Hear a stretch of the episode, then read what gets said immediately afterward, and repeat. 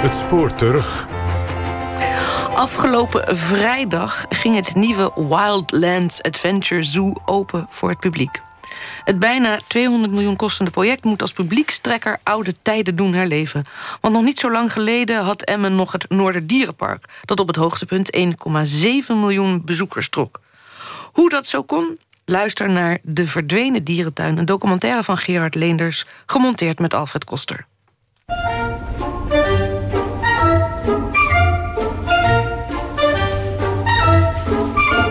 Wat de paling is voor Volendam zou ik haar zeggen.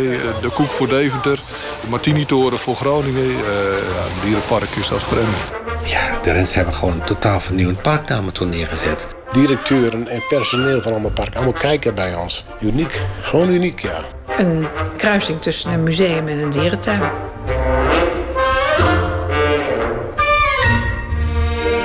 Uit Nieuwsblad van het Noorden. Emmen, 27 mei 1935. Onder zeer grote belangstelling is heden het Noorderdierenpark geopend. Daarmee heeft eindelijk ook het noorden des lands zijn artis gekregen. Het dierenpark is gevestigd op het voormalige sportparkveld. De heer Willem Sjoek Johannes Oosting treedt op als directeur. Hij heeft een bijdrage willen leveren tot de ontwikkeling van zijn woonplaats. Het Noorderdierenpark zal M geheel van karakter doen veranderen. Al heel jong, ik geloof vanaf zijn zesde, heeft mijn vader gezegd: Ik wil directeur worden van een dierenpark. En dat heeft hij volgehouden, dat heeft hij altijd in zijn hoofd gehad. En hij, is, toen hij, een, hij kreeg van zijn ouders een auto. Wat dat betreft was het een beetje een verwend jongetje, al op jonge leeftijd. En toen hadden we nog niet veel Drenthe een auto. En met die auto ging hij met vrienden naar buitenlandse dierentuinen. Vooral naar de dierentuin bij Hamburg in Sellingen van Hagenbeck. Dat was een hele bekende naam in de dierentuinwereld. En daar hebben bijna alle dierentuinen iets van overgenomen. Of heel veel van overgenomen eigenlijk. Dus al die rotsen die je ziet, die namaakrotsen die je ziet... en wat verouderde dierentuinen, al die grachten... dat was allemaal Hagenbeck. In haar ruime woning aan de rand van het voormalige Noorderdierenpark... vertelt Aleid Rense Oosting, de oudste dochter van Willem Sjoek Oosting... haar herinneringen over de eerste dierentuin in het noorden van het land. Haar vader heeft met steun van zijn ouders, letterlijk in de achtertuin van het ouderlijk huis, een heus dierenpark neergezet dat op Hemelvaartsdag met groot succes de poorten heeft geopend. Ons nieuwe dierenpark blijkt wel een attractie te zijn. Het is de magneet van het leven die de schaden erheen trekt. Op Hemelvaartsdag waren er ruim 5000 bezoekers die genoten van de zeldzame dieren, het paviljoen, de speeltuin het ezeltje rijden en het doolhof met de lachspiegels. Als je als bezoeker de dierentuin binnenkwam, dan moest je eerst een heel eind lopen, want de ingang die stond gewoon langs de stoep. En dan zag je soms een hele lange slier daar zo voor staan. En dan liep je eerst door onze voortuin. Dan liep je door onze achtertuin. Was allebei afgezet met gaas. En dan kwam je bij de grote attractie, de Manenschapenrots. En dat was dus de eerste attractie. En die staat op, als je aan Emmenaren vraagt... Uh, stuur ze een foto van vroeger op... dan komen ze altijd aan met de hele gezin... staande voor die manenschapenrots. Maar er waren roofdieren, er waren kamelen, er waren... Het was echt apenhuis. Nee, er was, er was vrij veel hoor. Mhm. Mhm. En veel mensen kwamen op de fiets, met paard en wagen, met, met de tram later. Uh, dus het was helemaal niet zo makkelijk om er te komen. Maar daar kwamen desondanks uh, veel mensen. Maar ik weet dat dus niet pers persoonlijk, want ik ben in 38 mhm. geboren.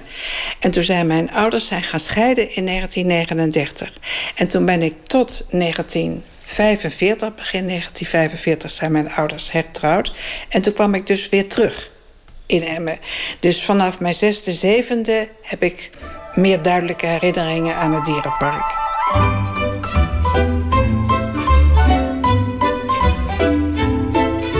Dat dierenpark, dat was fantastisch. Want dat deelde ik helemaal met mijn vader. Ik was dol op, op dieren. In ieder geval om voor jonge dieren te zorgen... die door hun ouders verstoten werden. En dat deed ik heel veel. Dus ik had of een dier in het park... die, uh, die ik de fles ging geven. En dat moest dan s ochtends vroeg en, en smiddags en s avonds en nog een keer s avonds. Dan ging ik het park in. Een zeehondje hadden we. Dat heb ik ook uh, grootgebracht met de hand. Uh, we hadden een klein leeuwtje hebben we thuis gehad. Dat heb ik ook. Mijn vader had hem al in een doos bij de achterdeur staan buiten. En toen kwam ik thuis en dacht ik dat leeuwtje adem nog. Waarom zet mijn vader die buiten neer? Dus ik heb hem mee naar binnen genomen en de föhn gepakt om het beestje warm te maken. En melk gevoerd. Tot mijn vader zei: Wat doe je nou? Dat beest is stervend en laat hem nou rustig doodgaan. Maar hij is helemaal niet doodgegaan. Hij is, uh, hij is groot geworden en een volwassen leeuw geworden. En dat vond ik fantastisch werk. Ik had het altijd vrij druk en verdiende ook geld. Want de, de mensen konden hun auto parkeren, of een auto, hun fietsen parkeren. Als de parkeerplekken voor de, voor de fietsen, die, die stellingen die je dan had, Mhm. als die vol waren, op het grasveld voor ons huis. En later ook achter ons huis, als het heel veel bezoekers waren. En dan stond ik bij het hekje met een vriendinnetje en wij plakten dan van die lintjes om die, om die fietsen heen. En ik vroeg er van iedereen vijf cent of een dubbeltje. En kregen dan s'avonds geloof ik allebei een kwartje of zoiets. Als, als loon voor ons werken, ja. Hoewel het dierenpark in de wintermaanden dicht is... komen er in de jaren 50 toch jaarlijks meer dan 150.000 bezoekers. Bussen vol met oude vandaag uit de noordelijke provincies, plattelandsvrouwen of kinderen op schoolreisje. En natuurlijk de bewoners van Emmen en omstreken, waaronder de latere werknemer van het park, Roelines Reurink. Ik kan me nog herinneren dat, dat wij dus, dus een paar keer per jaar namelijk gingen... maar vooral natuurlijk in de herfstvakantie. In de herfstvakantie hadden wij de beroemde kwartjesdagen, zoals het dan zo mooi heette. Dan werd iedereen kwam binnen voor een kwartje. Dat was toen best nog redelijk veel geld omgerekend natuurlijk in, in die periode. Maar die, die, die waren er. Was, dat was gewoon... En die waren er zelfs nog in het eerste jaar dat ik hier in dienst kwam. Het was natuurlijk in feite drie keer niks. De, de, de ijsberen bijvoorbeeld zaten op zo'n, in zo'n, zo'n, zo'n kooi hè, van beton. En er waren allerlei pieken waren erop aange, aangebracht. En daar konden ze namelijk in lopen met een klein beetje water. Dus als ze nog verkoeling wilden zoeken, kon dat namelijk. Maar dat was het dan. Het was puur beton. En de manenschapen was precies hetzelfde. De beren bijvoorbeeld, dus de zwarte beren waren, zaten daar namelijk ook in. Toen hadden we al kraagberen. En die zaten ook in zo'n kleine, kleine behuizing. En die stonden op de achterpoten om de pinda's op te vangen. Het was een park wat, wat echt de oude bebouwing nog had.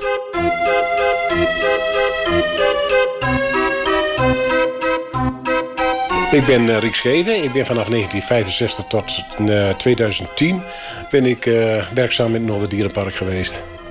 Ook Riek Scheven gaat in zijn jeugd met enige regelmaat naar het Noorderdierenpark. Vooral naar het zogenaamde Wildpark, waarmee de dierentuin al een paar jaar na de opening wordt uitgebreid. Er was een aparte ingang. En daar had je dus de zebra's lopen, de struisvogels. En daar had je de Watusi rondom lopen. Er waren grote koeien met die grote gewijs. En daar had je de Drentse schapen liepen daar helemaal achterin. Die Bauschie-herten, Sika-herten. En noem maar op, ik kan ze zo allemaal nog opnoemen. Dat liep daar in het wildpark.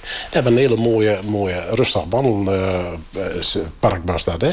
En daar moest je speciaal nog een, uh, een, een kaartje voor hebben.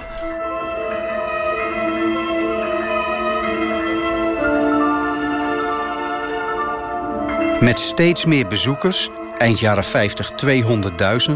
gaat het in die jaren met het Noorderdierenpark naar wens.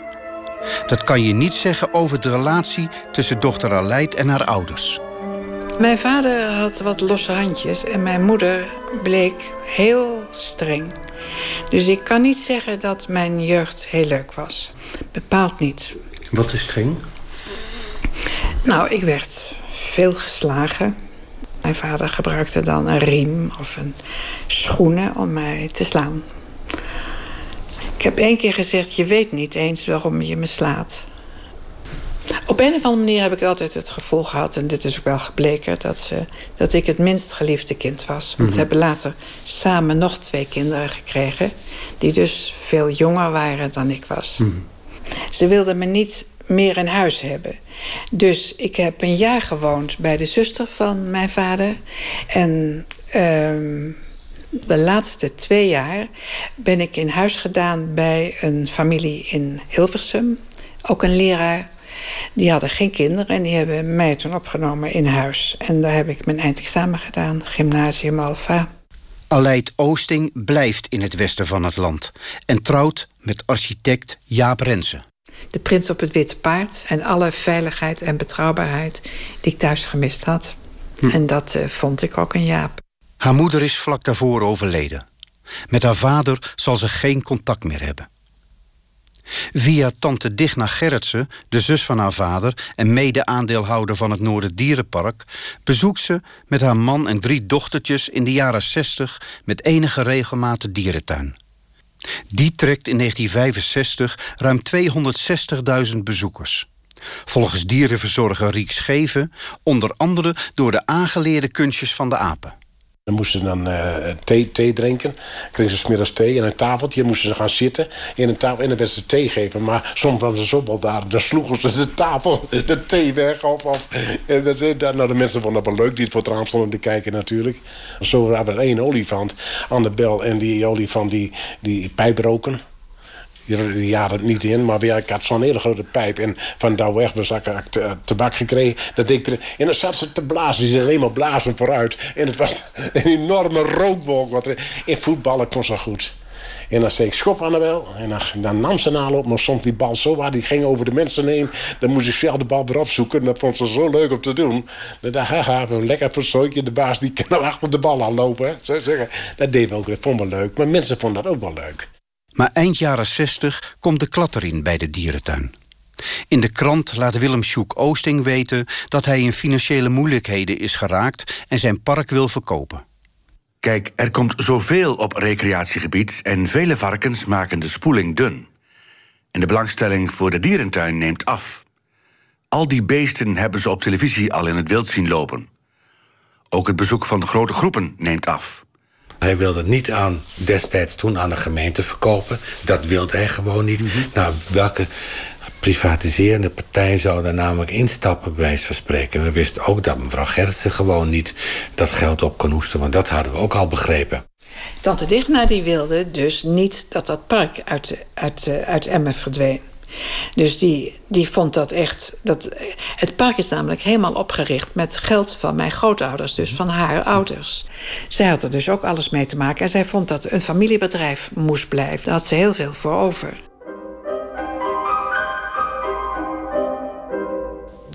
President-commissaris van het Noorderdierenpark is dan VVD'er Harm van Riel, huisvriend van de Oostings en fractievoorzitter in de Eerste Kamer. Eind 1969 belt oom Harm met Aleid in Bussum. Of hij langs mag komen. En toen vroeg hij ons, of vroeg hij eigenlijk mijn man, niet mij, Jaap, vroeg hij, of hij directeur wilde worden van het dierenpark. Aanvankelijk zeiden wij dus allebei nee. Het was ook net de periode waarin er uh, nou, hevige opstanden waren, onder biologen vooral. Artis had een actie, Artis moet blijven. En uh, de biologen zeiden, moet Artis wel blijven. Is dat niet helemaal achterhaald, al die dieren achter tralies in veel te nauwe hokken. En dus het was, in, was een moeilijke periode voor dierentuinen, maar tevens wel een periode waarin je wat kon veranderen. Hè? En dat trok ons wel aan.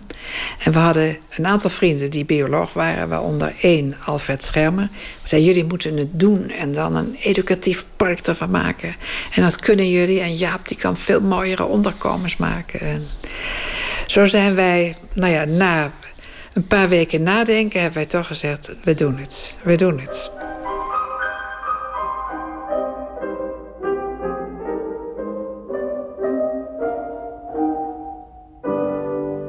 We gingen dus vaak logeren bij Tante Digna. En nu dus helemaal vrij geregeld. Omdat we ook met haar dus doorspraken wat we zouden doen.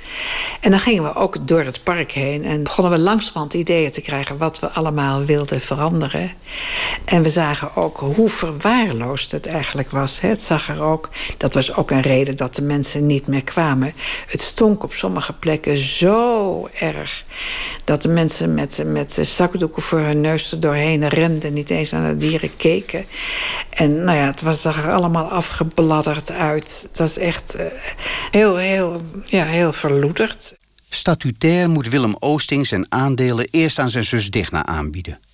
Die koopt de aandelen voor 520.000 gulden zonder ook maar een cent uit te geven. Want diezelfde dag verkoopt ze de aandelen door aan de gemeente Emmen, die daarmee voor de helft eigenaar wordt. Jaap en Aleid Rensen gaan per 1 september 1970 aan de slag. Het dierenpark telt dan 10 medewerkers. We hadden wel al vrij snel een plan in ons hoofd. We dachten, we willen het educatief maken. We willen dat de mensen iets opsteken in dit park. Dus we gaan een educatief centrum bouwen.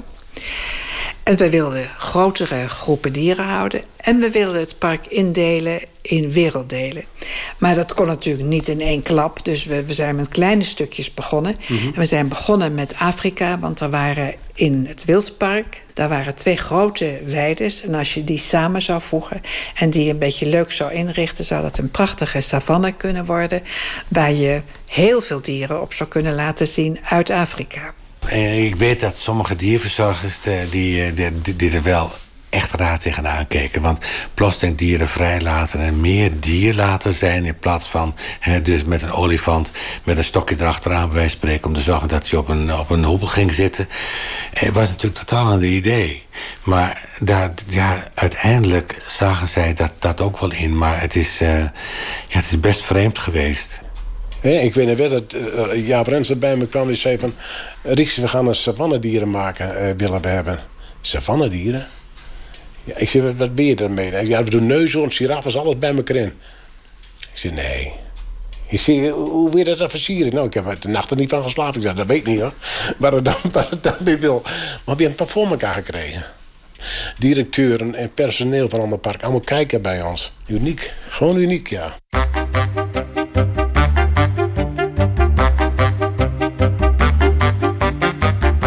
De enige reden waarom je dieren in gevangenschap mag houden.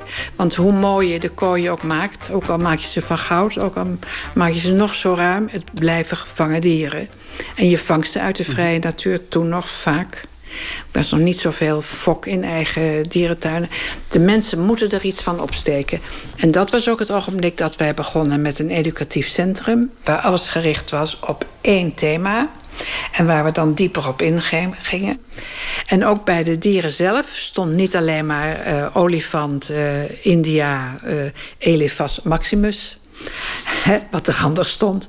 En daar, stond. daar stonden nu hele verhalen over de olifanten in. Dus dat trok erg. En het eerste jaar kregen we in plaats van de 200.000 of 210.000... kregen we 325.000 bezoekers. Jaap Rensen houdt zich bezig met de zakelijke kant van het dierenpark... maar vooral met het ontwerpen van nieuwe onderkomens voor de dieren. Aleid zorgt voor de publiciteit. Bij toeval komt ze een keer bij het tv-programma Voor de Vuist weg terecht... van Willem Duis en wordt daar een regelmatig terugkerende gast. Een vertrouwde en geliefde gast, vast en zeker niet alleen mevrouw Rensen uit Emmen. Wie hebben we hier vanavond? Dit is Hannes, die heb ik maar eens meegenomen. Hannes is nog nooit voor de vuist geweest, die wil ook graag een keertje mee. Hannes maakt zijn debuut voor de vuist. Hoe oud is Hannes? Nou, Hannes is ongeveer 2,5 jaar oud. Ja, hij bijt een stuk uit het glas, ben ik bang. Zat? Nee, nou is het genoeg. Hannes, kom maar even hier.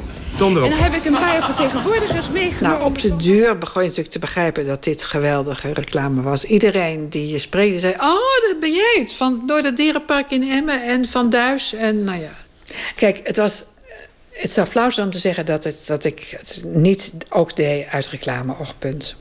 Maar ik vond het gewoon ook leuk. En, en het deed de dieren geen kwaad. Het deed eigenlijk niemand kwaad. Je zag ook aan, aan de. We hadden, maakten dus altijd grafiek hè, van onze bezoekersaantallen. Je zag dan ineens zo'n piek. Dan denk je, wat gek, het is geen paas, het is geen hemelvaart, het is geen Pinksteren. Waar komt die piek vandaan? Dat was, was ik bij Duits geweest. Wat is dat? Dat is een hele kleine woestijn links van vier dagen oud. Oh, wat lief. Mag ik hem vasthouden? Ja, als jij hem op je hand wil houden. Kijk even. Een woestijn links van vier dagen oud, dames en heren dat heeft natuurlijk ook, ook, het park namelijk heel groot gemaakt. Mhm. en, en hoe ze iedereen in feite namelijk om de vingers kon winnen met bepaalde dingen. En ook meeging met de kwinkslagen van Willem Duis bijvoorbeeld. Nee, destijds was, uh, was Aleid Rens puur de, de, de, de speel in, in hele communicatie enzovoort. Maar die twee, de, is, Jaap en Aleid Rens, hadden elkaar namelijk ook nodig. Jaap voor het pure zakelijke gedeelte, de kroon eigenlijk op, op, op, op ieders hoofd. En zij de, de grote parel die daar namelijk op schitterde.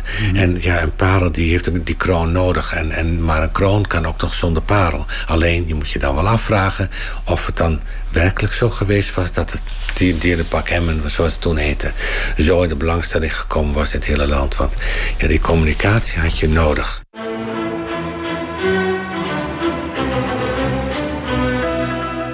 Elk jaar is er wel iets nieuws te bewonderen in het Noorderdierenpark. Dat is ook de filosofie van de Rensens. Met dank aan de overheid voor iedereen die in dienst nam, kreeg je bepaalde subsidie. Want dat was hoge werkloosheid. Eh, toen, net als nu bij wijze van spreken. Maar toen werd gesubsidieerd. En dat was natuurlijk mooi meegenomen. Daardoor kon je dus vernieuwingen kon je dus, dus gaan, gaan doen. Je kon nieuwe diersoorten aanschaffen. Maar je kon bijvoorbeeld ook een nieuw gebouw namelijk neer gaan zetten. Omdat uiteindelijk dat geld wat je verdiend had... daar niet voor als loon hoeft te reserveren. Maar dat het via een subsidiekanaal voor die mensen namelijk weer binnenkwam. Terwijl je mensen aan het werk hier plus namelijk nog een keer vernieuwend bezig was. Het bezoekersaantal stijgt gestaag en de educatieve ideeën blijven elkaar opvolgen. Bijvoorbeeld een enorme vliegkooi waar meer dan 150 soorten vogels rondvliegen en waar bezoekers doorheen kunnen lopen. En er worden aparte werelddeelhuizen neergezet met aandacht voor volkenkunde en natuurhistorie in steeds wisselende exposities. Toen we de vliegkooi gemaakt hebben, toen hebben we Leiden gebeld of wij mochten kijken bij hun collectie vedertooien. Het Volkenkundig Museum. Mm En uh, toen zeiden ze ja hoor. En toen kwamen we daar en zeiden: Hier is de sleutel. Zullen u even wijzen waar de bak staat met kaarten. En dan zoekt u maar. Dus wij, nou, we wisten niet wat we zagen. We zijn uren op die zolder geweest. Allemaal hele oude kranten waar die um, schitterende vedertooien in opgeborgen waren. En wij maar zoeken naar veren van vogels die bij ons in de vliegkooi rondvlogen. Veren maken de man, hadden we het genoemd. Ja. Dat hm. trok heel veel bezoekers. Dat, dat was e-, eerlijk gezegd onze eerste echte expositie.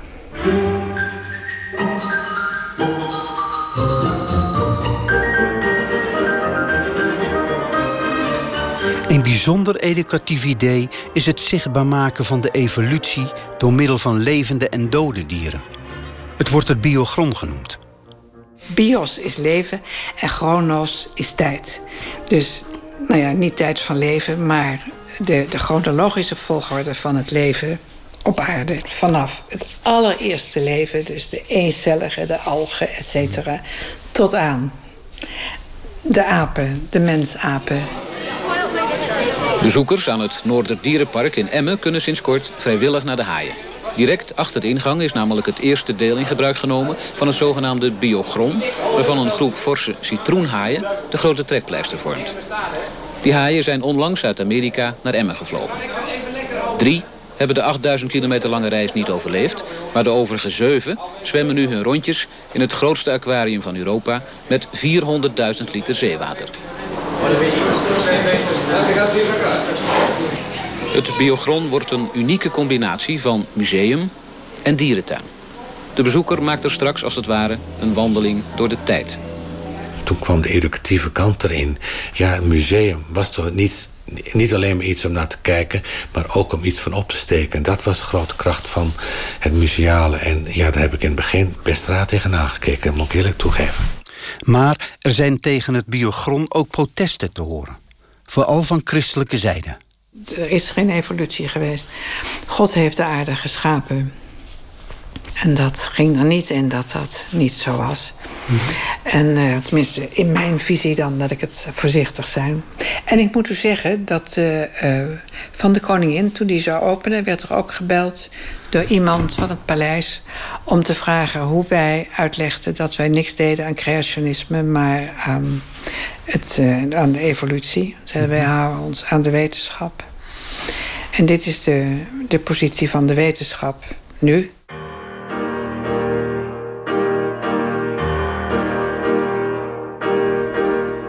In 1985 bestaat het Noorderdierenpark 50 jaar en wordt de vlindertuin geopend.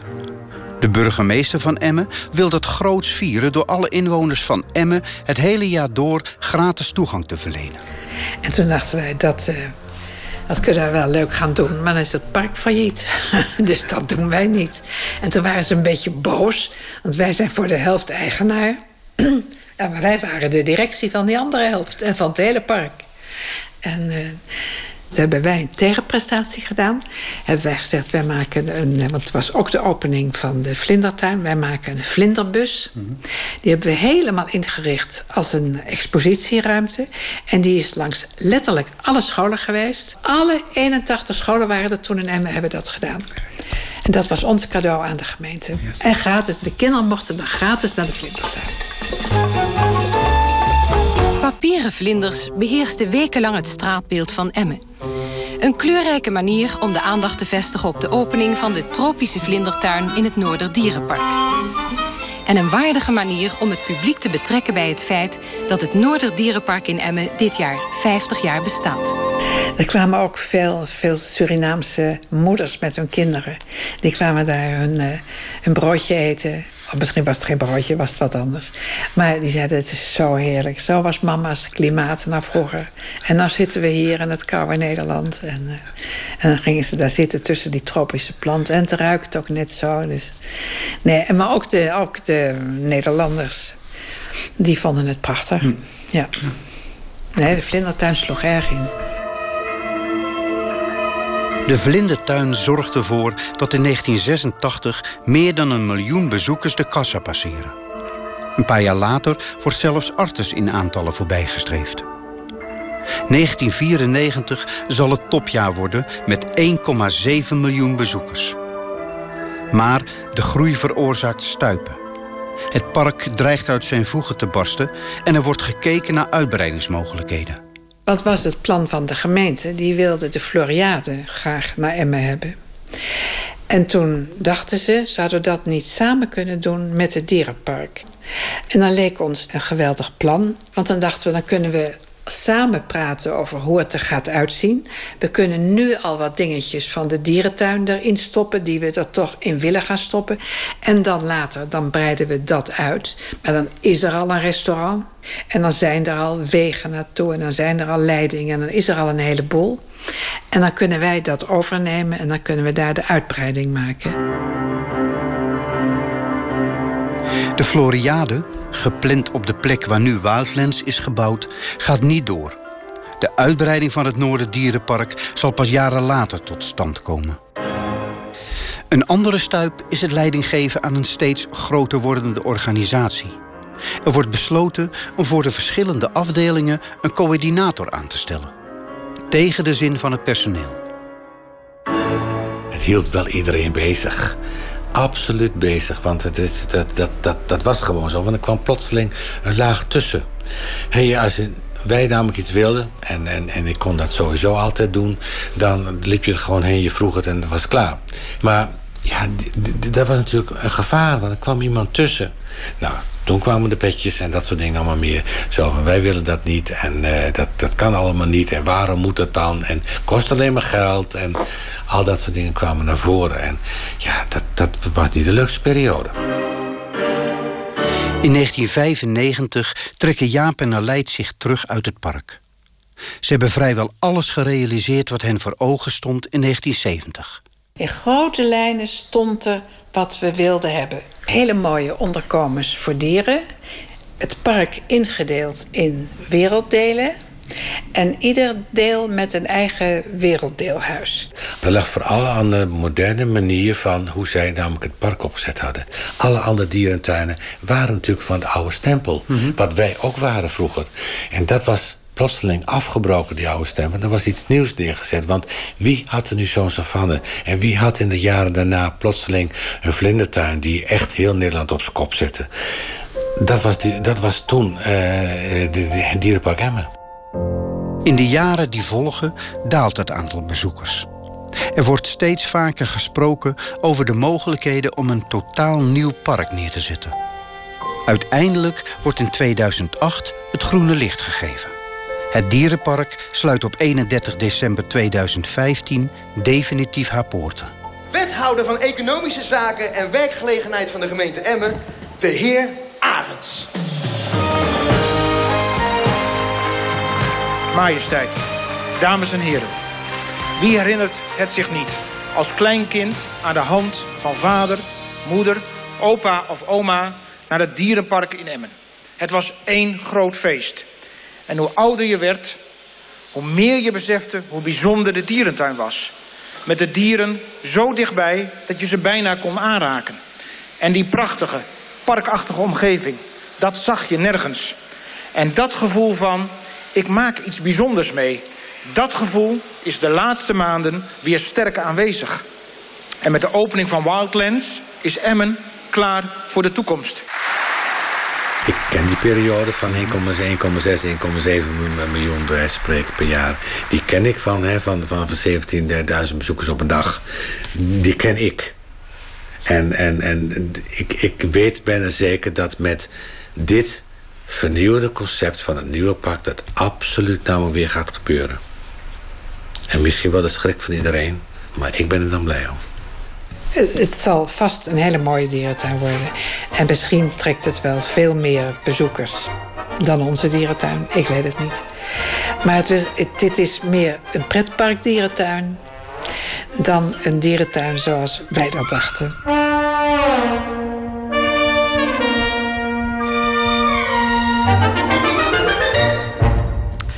Tot zover de documentaire van Gerard Leenders, De Verdwenen Dierentuin. Met dank aan Aaldert Oosterhuis voor de gelezen